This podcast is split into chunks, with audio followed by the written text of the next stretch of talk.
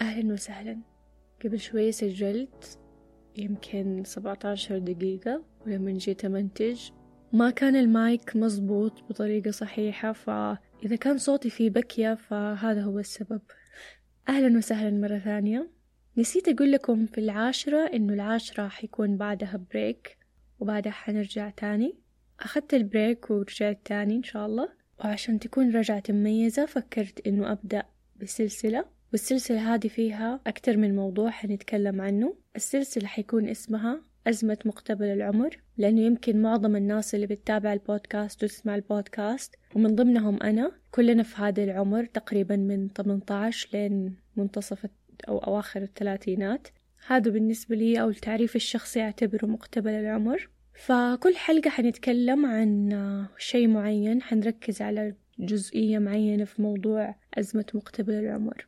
بالنسبة لي أعتبر موضوع الأزمات في كل مرحلة عمرية شيء أساسي يمكن للنضوج. يعني مثلا في الطفولة هي المرحلة الأساسية اللي بينبني عليها الشخص بتنبني شخصيته بتنبني آراءه ومعتقداته بينبني أصله بتنبني عقده النفسية كمان. أشياء حتأثر على حياته كلها. بعدها بتيجي أزمة المراهقة وهذه يمكن أصعب أزمة لأنه في هذه المرحلة يمكن للآن ما حد يعرف كيف يتعاملوا مع المراهقة أو مرحلة المراهقة. حتى المراهقين نفسهم ما بيعرفوا مو فاهمين إيش بيصير. بالنسبة لي أعتبرها من أصعب المراحل والأزمات اللي الإنسان يمر فيها. وإذا الإنسان أتخطى هذه المرحلة وقدر إنه يتخطى هذه المرحلة بأقل الخسائر فبالنسبة لي هذا أعتبره نجاح وانتصار. بعدها بتجي أزمة مقتبل العمر وبعدها بتجي أزمة منتصف العمر. فالحياة مليانة أزمات. الحياة طبيعي كل فترة وفترة وكل مرحلة فيها تحديات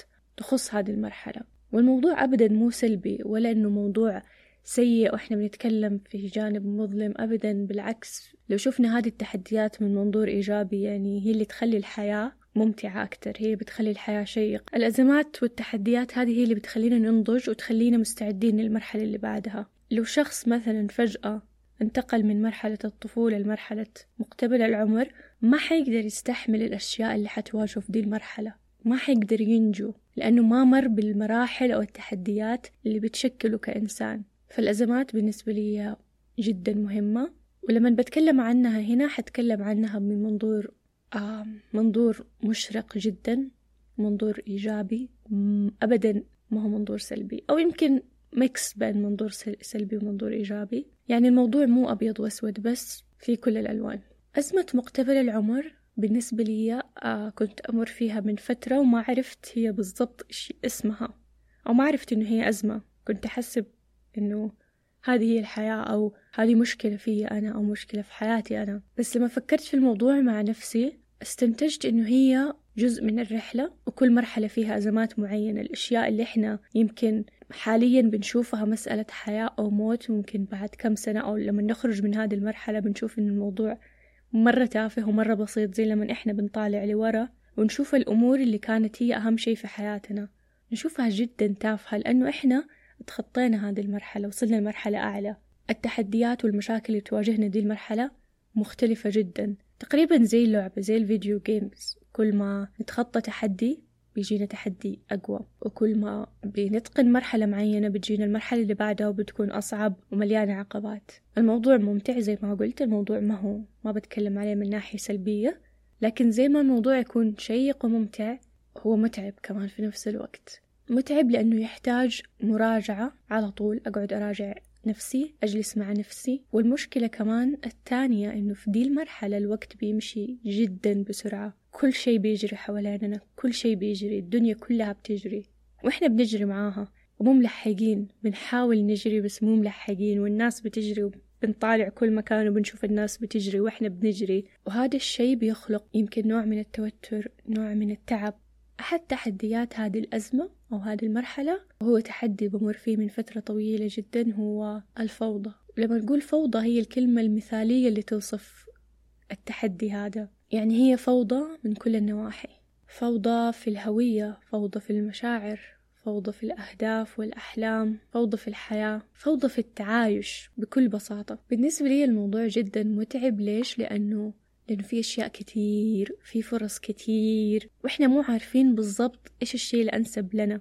في هذه المرحلة إحنا بس بنمر بمرحلة ممكن تجارب بنجرب بنشوف إيش الأفضل لنا. لكن الموضوع بيصير متعب لما لما نجرب أشياء كتير ولسه ما بنلقى الأشياء اللي إحنا المفروض إنه إحنا نتوصل ليها يعني لما أنا يكون أبى أدور لي على أهداف أبى أحط لنفسي أهداف في الحياة خطط أحلام طموحات بس هذه الأهداف والطموحات والخطط كلها بتتغير بشكل مستمر. ماني قادرة أستقر على هدف معين أو خطة معينة.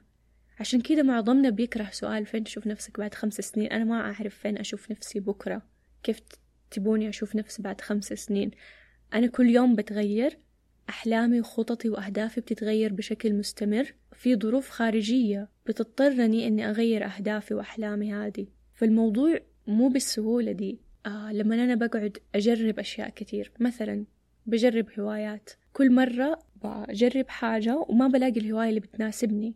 مثلا جربت الرسم جربت الغنى جربت العزف جربت أشياء كتير وكل مرة بحس إنه الأشياء بدأت تخلص وأنا لسه ما لقيت نفسي.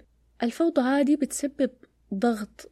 كل ما زادت الفوضى كل ما زاد الضغط وكل ما عدى الوقت لأنه الكل بيجري كل ما إحنا بنرتبك أكتر. عشان إحنا بنحاول نرتب الفوضى اللي إحنا فيها بس بنجري وإحنا بنرتب وكلنا بنجري. وأحيانا بنطالع يمين أو يسار وبنلاقي بعض الناس بدأت ترتب الفوضى حقتها. فالموضوع بيزيد من الضغط بيزيد من التوتر إنه الناس من برا بتبان كأنه هم عرفوا أو اكتشفوا نفسهم. هم يمكن ما اكتشفوا نفسهم لكن من برا الموضوع بيوتر إنه الناس بدأت تستقر بدأت تلاقي نفسها وإحنا لسه جالسين نجري. إحنا لسه مو ما وصلنا لهدفنا إحنا لسه ما عرفنا أصلا إيش هو هدفنا عشان نوصل له وهدفنا كل فترة وفترة بيتغير. فأنا كيف حوصل لهدف؟ أنا لسه ما أعرف إيش هو. فهذه المرحلة مرحلة الفوضى بتدخل حتى بأدق التفاصيل. غير إنه مثلا المود بيتغير كل يوم غير إنه الأفكار بتتغير كل يوم معتقدات بتتغير كل يوم. حتى الأشخاص اللي في حياتنا ما إحنا عارفين بالضبط مين هم أصحابنا ومين هم الناس اللي اللي بس نخرج معاهم عشان نضحك ومين الناس اللي قريبين مننا ونفضفض لهم. كل شيء بيدخل في بعضه. في الملابس هويتنا مثلا في الملابس طريقة اللبس إيش إحنا نحب نلبس إيش الألوان اللي نفضلها ما ندري لأنه كل فترة وفترة بيتغير ده الشيء ما عندي ستايل محدد ما عندي شيء يعرفني. هويتي شخصيتي. طب أنا هل أنا اجتماعية؟ هل أنا انطوائية؟ هل أنا mix بين الاثنين؟ طب ليش أنا أعصب من دي الأشياء مرة ومرات إنه عادي؟ ليش مرات أنفعل من ذا الموضوع ومرات عادي؟ فوضى فوضى فعلا فعلا فعلا فوضى من كل النواحي. وللآن لسه ما اكتشفت كيف ممكن أرتب وأحل هذه الفوضى. أنا حاليا عايشة وسط هذه الفوضى فوضى بالمعنى الفعلي والمعنى المعنوي. بس بالنسبة لي ما أشوف الموضوع شيء سيء.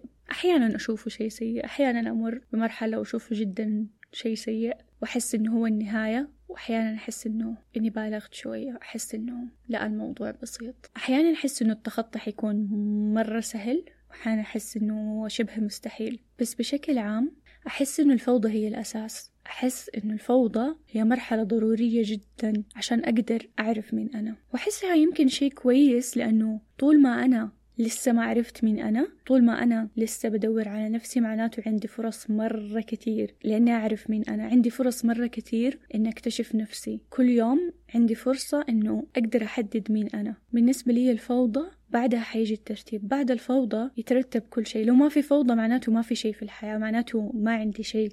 لكن طول ما في فوضى معناته عندي فرص كتير. معناته عندي أشياء كتير حقدر أتعامل معها. أشياء كتير إذا ترتبت حتفيدني جدا. في المرحلة اللي بعدها. فبالنسبة لي هذا هو منظوري للفوضى. في نفس الوقت هي شيء شيق لأنه لو الحياة كانت ما فيها فوضى كانت حتكون جدا مملة يمكن خصوصا في هذه المرحلة. يمكن إحنا نحتاج إنه حياتنا تكون فيها فوضى لأنه في هذه المرحلة بيكون عندنا قابلية لل... للتغيير يكون عندنا مرونة أكتر يكون عندنا طاقة لهذه الفوضى لترتيب هذه الفوضى. فيمكن الفوضى شيء أساسي في هذه المرحلة. أحس لسه عندي كلام مرة كثيرة بقوله بخصوص الفوضى لكن في برضو فوضى تانية في مخي والكلام بيحاول يسبق بعضه فماني عارفة أرتب الكلام اللي بقوله. بس أشكركم جدا لاستماعكم وإذا عجبتكم السلسلة أرسلوا لي اقتراحات لمواضيع ممكن نناقشها خلال هذه السلسلة. أرسلوا لي هي حساباتنا في ال social media بودكاست السطوح. ولا تنسوا تشتركوا في البودكاست وتقيموه إذا عجبكم. شكرا لكم وشكرا لاستماعكم في أمان الله.